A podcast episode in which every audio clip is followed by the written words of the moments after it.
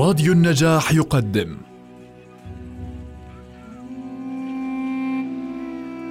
المسلسل الإذاعي صلاح الدين الأيوبي للكاتب وليد سيف والمخرج حاتم علي. بطولة جمال سليمان سوزان نجم الدين باسم ياخور نجاح سكفوني وائل رمضان محمد مفتاح. أنتجه للإذاعة أسماء فرج الله مهندس الصوت محمد علي. التأليف والتوزيع الموسيقي طاهر ماملي. المونتاج سليم شامية. الإشراف العام عبيدة فرج الله.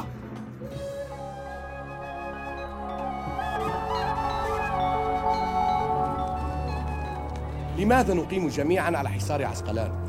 وقد خلت القرى والأنحاء من عساكر الفرنجة. تعرفون جميعا من يقيم داخل عسقلان. ما هو إلا صبي مجذوم لا يصمد على قدميه ناهيك عن ظهر جواده وهم في قلة. ونحن في حاجة إلى التزود بالمؤونة.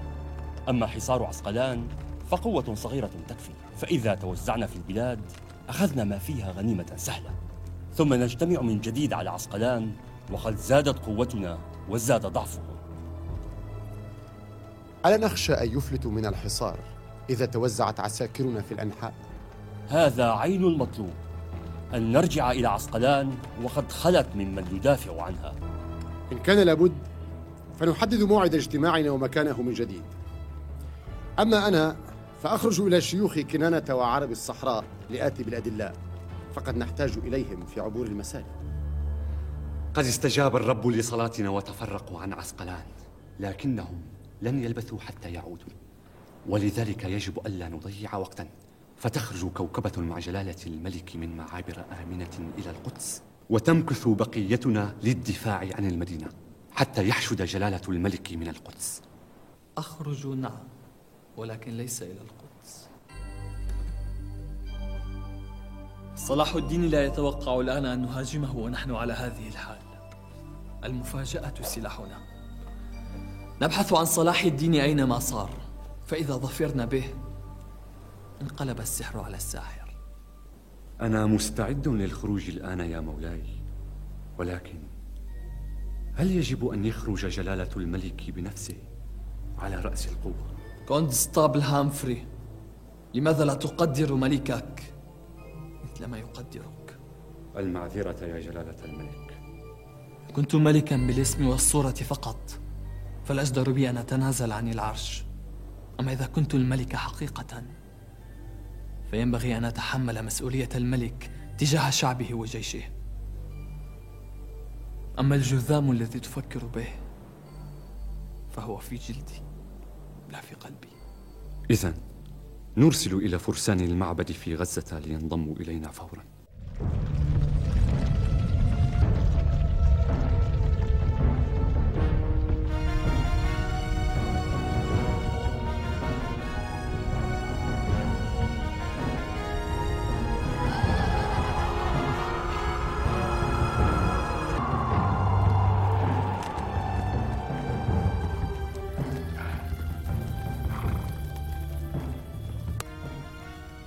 تعرف أحدكم موقعنا من الأرض؟ لا ماء ولا دليل والزاد ذهب أكثره والخيول نفدت أعلافها ولا ندري هل نقترب من العمران أو نبتعد قل لن يصيبنا إلا ما كتب الله لنا. إذا لم نجد طريقنا غدا بعد هذه الليالي لن يقووا على متابعة المسير هذا ما جلبه علينا أولئك الذين أشاروا بالتفرق. الملك المجذوم يكسرنا هذه الكسرة لم يقع لنا مثل هذا قبل الآن. ابن أخي لا تحمل أصحابنا تبيعة الكسرة قد اجتهدوا وأنا وحدي أتحمل المسؤولية. ولن أغفر لنفسي حتى أظفر بالفرنجة في وقعة أكبر. أما همي الآن فعلى عساكرنا الذين تفرقوا ولا ندري ما الذي أصابه أما الملك المجذوم فلا يكافئ رغبتي في هزيمته إلا تقديري لبسالته على صغر سنه ومرضه. وهذا درس آخر. لا تستهن بعدوك مهما قل. ولا تغتر بقوتك مهما عظمت. فهذا أصل الهزيمة ولما نسيت هذا نسيني النصر. لا تشتد على نفسك يا عماه فكما قالت العرب لكل حصان كبوة ولكل حكيم هفوة ولكل صارم نبوة. لو كانت هذه الهفوة تختص بي وحدي لرضيت هذا القول عزاء وسلوى. ولكن هفوة السلطان تورد الناس المهالك ولا ينفع معها عزاء إلا نصر كبير يعفي عن الهزيمة. وحتى يحدث ذلك لن أغفر لنفسي هذه الكسرة إلا أنك أبليت بلاء حسنا يا تقي الدين. لو كان أبوك شاهنشاه حيا الآن لكان فخورا بك لكأنه يحيا بك وأراه فيك. هذا يذهب عني بعض ما أنا فيه. وهؤلاء الثلاثة سأبقى مدينا لهم ما حييت. لولاهم لما كنت هنا. هل تسمعون؟ فضل إبراهيم سويد. مولاي السلطان.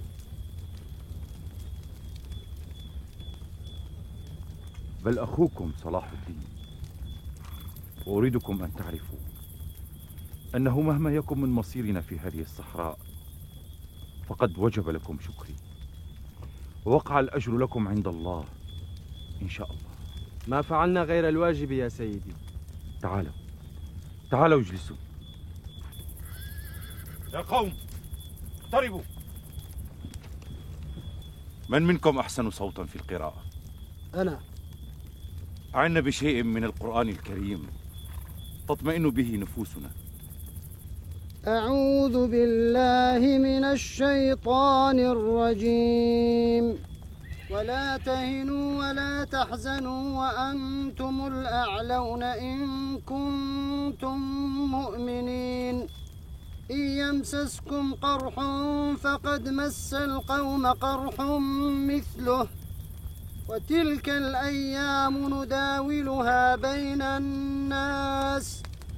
وليعلم الله الذين آمنوا ويتخذ منكم شهداء والله لا يحب الظالمين.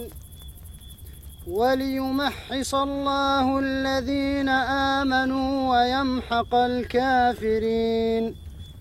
أم حسبتم أن تدخلوا الجنة ولما يعلم الله ولما يعلم الله الذين جاهدوا منكم ويعلم الصابرين.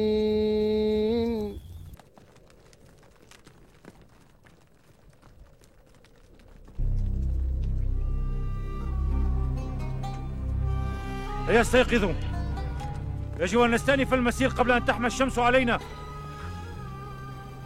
اللهم ارشدنا وسددنا. واهدنا طريقنا كي نجاهد في سبيلك. عمار انظر! الفرج! الفرج!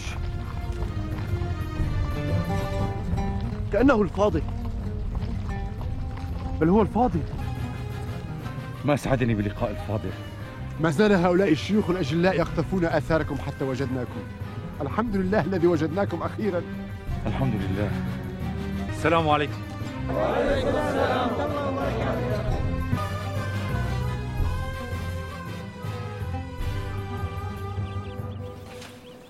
لولا وصول كتاب الفاضل بالحمام الهادي يبشرنا بسلامتك لذهبت نفوسنا قلقا. الحمد لله. كثاب. توقفوا! لا أريد سماع نوبات الموسيقى على باب بيتي بعد اليوم. هيا! انصرفوا جميعا. هيا! لماذا صرفتهم يا صلاح الدين؟ أعود مهزوما من الرملة. فيستقبلني هؤلاء بالطبول والكاسات. إني لا أستحق مجدا لم أكسبه حتى أنال من الفرنجة وأمحو عار الكسرة. وإني بإذن الله فاعل. وإن غدا لناظره قريب. من الطبيعي أن تقوى عزائمهم بعد أن كسرونا في الرملة تلك الكسرة العظيمة. كنت أتوقع أن تنشط حركتهم في الشام وأن يطمعوا بانتصارات أخرى. لماذا يصر السلطان على أن يسميها كسرة عظيمة؟ وما نسميها إذن يا عبد الرحيم؟ كبوة عثرة انتكاسة أم انتصارا عظيما؟ يكفي أنهم لم يحققوا غايتهم في الوصول إلى السلطان. إذا كانت الأمة هي السلطان فيا لضعف تلك الأمة. لأن السلطان ميت لا محالة إن لم يكن بسيوفهم فبانقضاء الأجل وهل إذا سمينا الأشياء بغير أسمائها تتغير صفاتها على الحقيقة؟ لا يا عبد الرحيم لقد كانت هزيمة وهزيمة منكرة وإذا أردنا أن نعفي عن آثارها فلا ثمة غير طريقة واحدة هي أن نعتبر منها ولدي حبيبي نعتذر من زوج السلطان. أننا لم نعلم بمسيرها إلى حلب كي نستقبلها بما يليق بمكانتها.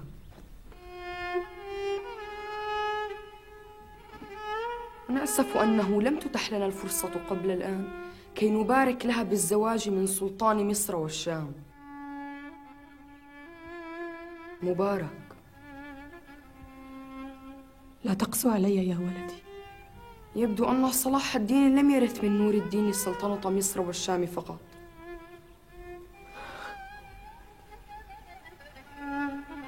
قل ما تريد يا ولدي. أمعن في تعذيبي والآن هل جاءت زوج السلطان كي تطمئن على سير الأمور في طاعة زوجها؟ اطمئني يا سيدتي أنا على عهدي للسلطان. سامحني يا ولدي. سامحني إن كنت تستطيع. على ما أسامحك. لم ترتكبي ذنبا ولم تفعلي حراما يحاسب الله عليه. ذنبي أنني امرأة يا ولدي. امرأة تستوي في ذلك زوج السلطان وزوج الحمال. علينا أن نكون للزوج متى شاء وكيفما شاء. وللولد كيفما شاء ومتى شاء. وللأب كذلك أيضا. وكلهم يمثلها على صورة حاجته. وهي لا تملك أن تكون لهم جميعا في الساعة ذاتها. فإذا لبست واحدة منها اتهمت بالأخرى. وقيل خرجت من طبيعتها التي فطرت عليها. وإنما يعنون من الصورة التي يمثلها لها الرجال وفق حاجاتهم. ولا يخطر لهم أن الله تعالى قد خلقها والرجل من نفس واحدة. يقرؤون هذا في كتاب الله ثم يغفلون عنه من نفس واحدة. من فطرة واحدة. ففي جبلتها مثل ما في الرجل من المشاعر والأشواق والأحوال ولها مشيئة في نفسها كما لها. فلماذا ينكر عليها ما لا ينكر عليه؟ ولماذا إذا ترمل الرجل حثه الناس على الإسراع في الزواج؟ بل يلحون عليه أن يفعل ذلك إذا طال مرض زوجته. أما إذا تزوجت الأرملة فكأنها خانت زوجها. السلطان عدل يا ولدي. فهل هذا عدل؟ وهل يأخذ الحاضر من الماضي؟ وهل يمحو الخير الخير؟ وهل يأخذ الحب من الحب؟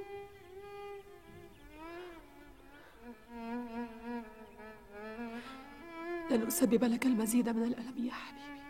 سأغادر في الصباح غدا إلى دمشق.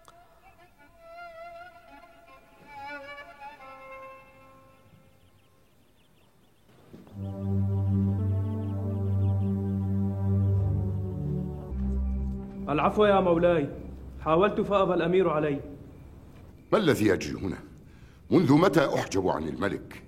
وما الذي يجتمع عليه الملك والأمير شهاب الدين بن العجمي دوني؟ ألم نولي الأمير شهاب الدين تدبير الأمور؟ ووليناك قيادة الجيش؟ فهل يجب أن نشركك فيما ليس من شغلك؟ والآن كما ترى نحن في شغل سأرسل إليك ساعة حاجتي على بركة الله ولكني جئت في شغل أهم صلاح الدين قد علمتم كسرته في الرملة وهو الآن غائب عن الشام وقد علمت أنه يوشك أن يخرج من مصر فلو تعجلنا قبل وصوله وكاتبنا الموصل تريد أن أنقض معه عهدي؟ أي عهد هذا الذي نحفظه معه؟ خادم أبيك نور الدين سلطان عليك لماذا تعاند الريح يا سعد الدين؟ إنه زمن صلاح الدين شئت أم أبيت انطلق راشدا.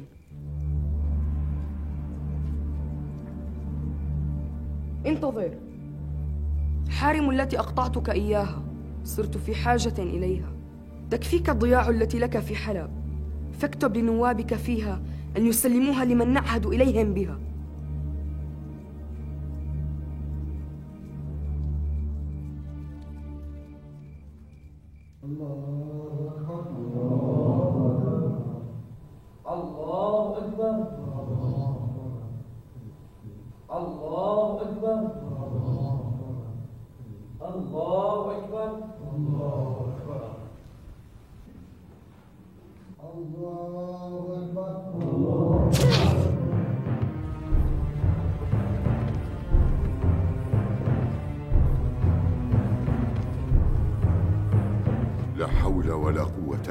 إلا بالله أحسن الله عزاءك وعزاءنا يا مولاي. خسارة أليس كذلك؟ ألا يا مولاي. خسارة كبيرة لا يعوضها شيء. حقا لا يعوضها شيء ولكن يمكن أن يخفف منها الانتقام من القتلة. ولكنهم فروا يا مولاي ولم نجد لهم أثرا. تعرف هؤلاء الحشاشين؟ ومن أين لي أن أعرفهم؟ ولكني أعرف من يعرفهم ومن واصلهم قبل الآن ثم كيف عرفت أنه منهم؟ أليس هذا واضحا؟ إنها طريقتهم لا يحسنها أحد مثلهم نعم فأنت أدرى بهم كأن المولى يلمح ولا يصرح مصرح إذا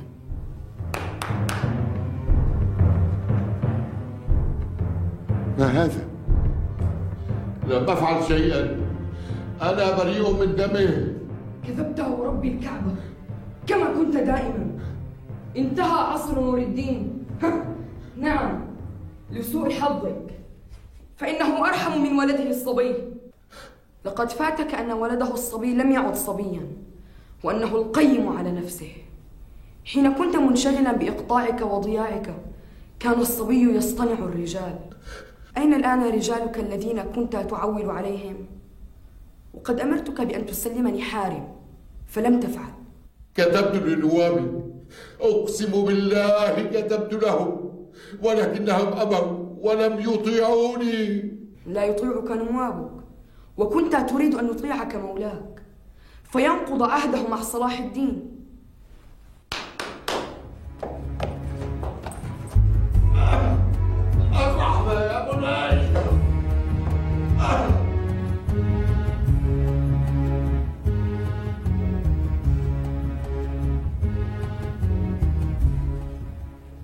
صاحب الجلالة. كونت بالدوين صاحبة السمو الأميرة سيبيليا. أختكم يا مولاي. قد انتهت فترة حدادها على زوجها السابق الكونت ويليام. وإني ألتمس إذن صاحب الجلالة في التودد إليها بقصد الزواج. تعرف أن طفلها يمكن أن يصير وريث العرش. أعرف يا مولاي وسوف أرعاه بكل ما أملك. أعدكم بذلك. لكن اهتمامي بصاحبة السمو لا علاقة له بهذا الشأن. أعني إنني أحمل شعورا صادقا ونبيلا تجاه صاحبة السمو. وماذا عنها؟ أعتقد يا سيدي أنها تبادلني الشعور نفسه. كونت بالدوين لقد قاتلت ببسالة مع أخيك الكونت باليان في الرملة. لم يكن في الوسع تحقيق النصر دون جهودكما. بل ألهمتنا شجاعة صاحب الجلالة انظر هنا. مخاضة بيت الأحزان. هنا. بينها وبين دمشق مسيرة يوم وبينها وبين صفد وطبرية مسافة نصف يوم. موقع هام أليس كذلك؟ لا شك. فإذا بنينا فيه حصنا محكما وملأناه بالسلاح والرجال تحققت لنا به فائدة عظيمة. لا شك بذلك يا مولاي ولكن هذه المنطقة تقع بين أراضينا وأراضيهم. وما زال الفلاحون يتنقلون عبرها بين الجانبين. وقد وقع الاتفاق منذ زمن مع الأعداء أن تبقى هذه الأراضي خالية لا هي لنا ولا هي لهم. سيتغير هذا بعد الآن. ولكن علينا أن نستعد لردهم. أعني لن يسكت صلاح الدين فهو يدرك خطورة الموقع كما ندركه. بالطبع. هكذا هي الحرب. تستطيع أن تعول على آل أبل يا مولاي. في المال الذي يحتاجه بناء الحصن وفي الدفاع عنه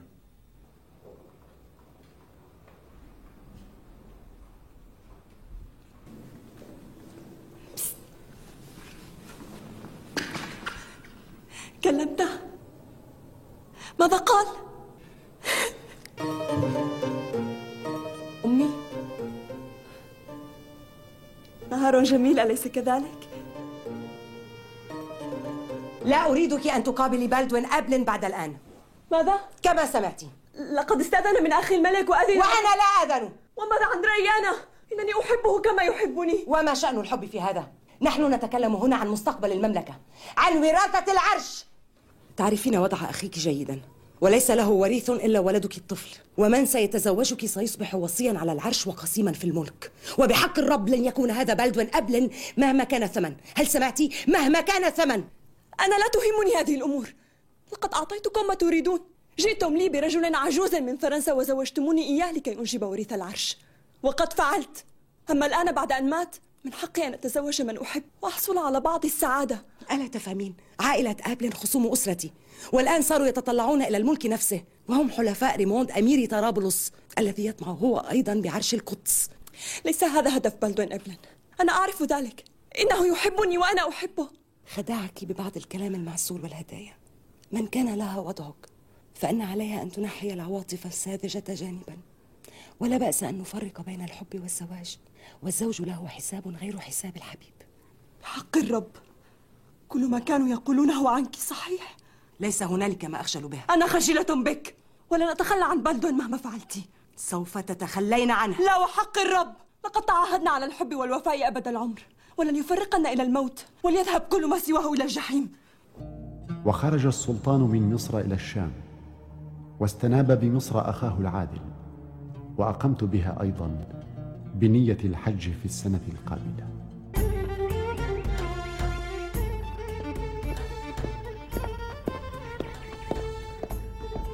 حمدا لله على سلامتك. سلمك الله يا عصمة الدين. تأخرت عن الشام ومن فيها. أعني مصر بلد عظيم ولكن الشام ساحة الحرب. فضلا عما تدخره لك من الحب.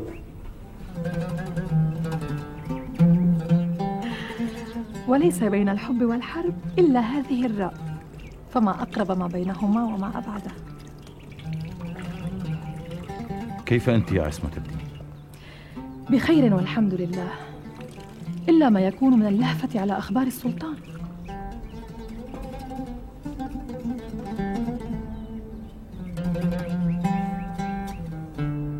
وقد علم الله ما نابني من الأرق والقلق حين سمعت ما وقع لك في الرملة ولكن الله سلم.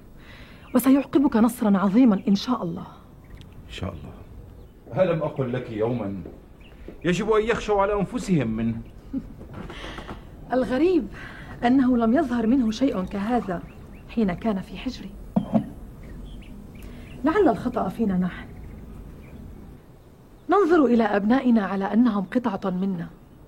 فنرى أنفسنا فيهم بدلا من أن نراهم على حقيقة حالهم. وننسى أن أحدهم منفرد بصفته. صدق الإمام علي كرم الله وجهه. ربوا أبناءكم لزمان غير زمانكم. وماذا عن أولادك في القاهرة؟ كيف تركتهم؟ إنهم بخير والحمد لله. يكبرون يوما بعد يوم. و... وأهلك هناك عساهم بخير. أفهم مغزى هذه الابتسامة. فكأنك تقول سؤال المرأة عن ضراتها ظاهره خير وباطنه الغير. إن كنت تعتقد أني أغار من نسائك الأخريات فأنت محق. ومثلك يغار عليه ولكني مع ذلك لا أخرج عن القصد. فالغيرة في الرجال كما هي في النساء. إلا أن الرجل يغار على نسائه من الغرباء. وأما المرأة فتغار على زوجها من الغريبات والحلائل معا. ولكن كيف لكم أن تقدروا ذلك ولم تخبروا معنى الضرائر؟ لا أنكر على النساء غيرتهن ما لم تخرج عن القصد ولكن أنت من بين النساء ليس عندك سبب للغيرة. إنما يغار الإنسان ممن هو كفء له أو يزيد عليه. ولا أرى ذلك يقع في حقك. حقا؟ لا أنكر على الرجال أن يجالسوا نساءهم ويكون بينهم أنس ومرح وتواصل ولكني لا أملك وقتا لهذا وقلبي مشغول بما سواه كما تعلمين إلا في هذا البيت. معك أنت. هنا لا تتنازع على نفسي مشاغل البلاد والجهاد من جهة وحاجتي إلى سكن الزوج ووصالها من جهة أخرى. إذ آنس إلى رأيك وعقلك الراجح كما آنس إليك زوجا وامرأة وذاك الذي أمالني إليك.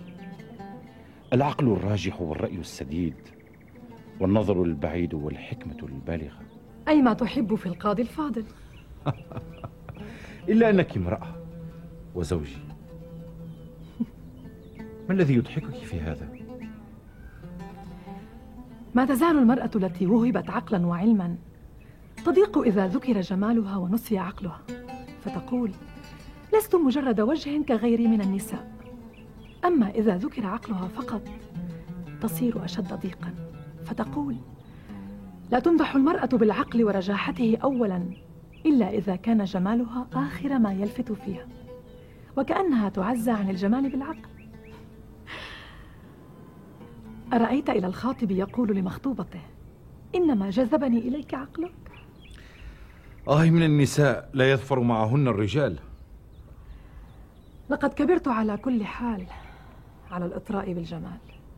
لا لم تكبري على هذا. يوسف أريد منك أن تسامحني.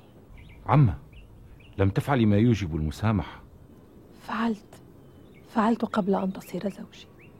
مضى وقت أيام نور الدين لا تترددي في ذكره بصوت قوي. لا يضرني ذلك ولا أنكر عليك ما لا أنكره على ذاتي. فهو اليوم أكبر في نفسي وقد أفضى إلى ذمة الله مما كان حيا. ما أجمل هذا القول؟ إنه لا ينزل على نفسي بردا وسلاما. فما كنت تريدين قوله؟ في ذلك الوقت حين ملكت مصر لنور الدين و وقع في نفسه شيء مني. رحمه الله. لقد دافعه ومنعه ورعه من الخروج عن القصد وكان الياروقي وينال يكثرون الكلام فيك. أعلم ذلك. سمحهم الله. لقد أثار غيظهم أن أكون وزير مصر وهذا والله فاجأني كما فاجأهم. فلا أنا ولا واحد منهم توقع ذلك. على كل حال. هذا ما حدث وهم جميعا أفضوا إلى ربهم وأرجو أن يسامحهم. ولكنك لا تعلم أنني أيضا كنت تحرضين علي؟ علم الله لم يكن تحريضا ولكن كنت أعمل بمقتضى الحرص على الزوج والولد ومصلحة الأمة بقدر اجتهادي. وما كنت أعلم أنني أجادل نفسي عن نفسي وأغالب بين يومي وغدي بين حاضري في تلك الأيام ومستقبل عمري الذي صرت إليه الآن. فما أعجب الزمان. فهل تسامحني لأسامح نفسي؟ كما قلت لم تفعلي ما يوجب المسامحة. الوفاء صفة ملازمة لأصحابه. من كان وفيا في أمسه كان وفيا في يومه وغده.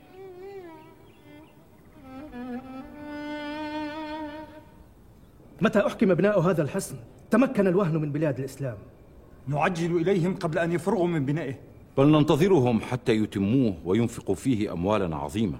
فإن أتموه وشحنوا فيه حديدهم وسلاحهم نزلنا إليهم وهدمناه إلى الأساس وغنمنا ما به من سلاح. وفي الأثناء نغزوهم حتى نضعف قوتهم ونكسر شوكتهم. فإذا مضينا إلى الحصن بعد ذلك لم يعترضون عليه. اشتاقت نفسي إلى القتال فأنا أخرج للغزو. أحتاج إليك في أمر آخر يا تورانشاه.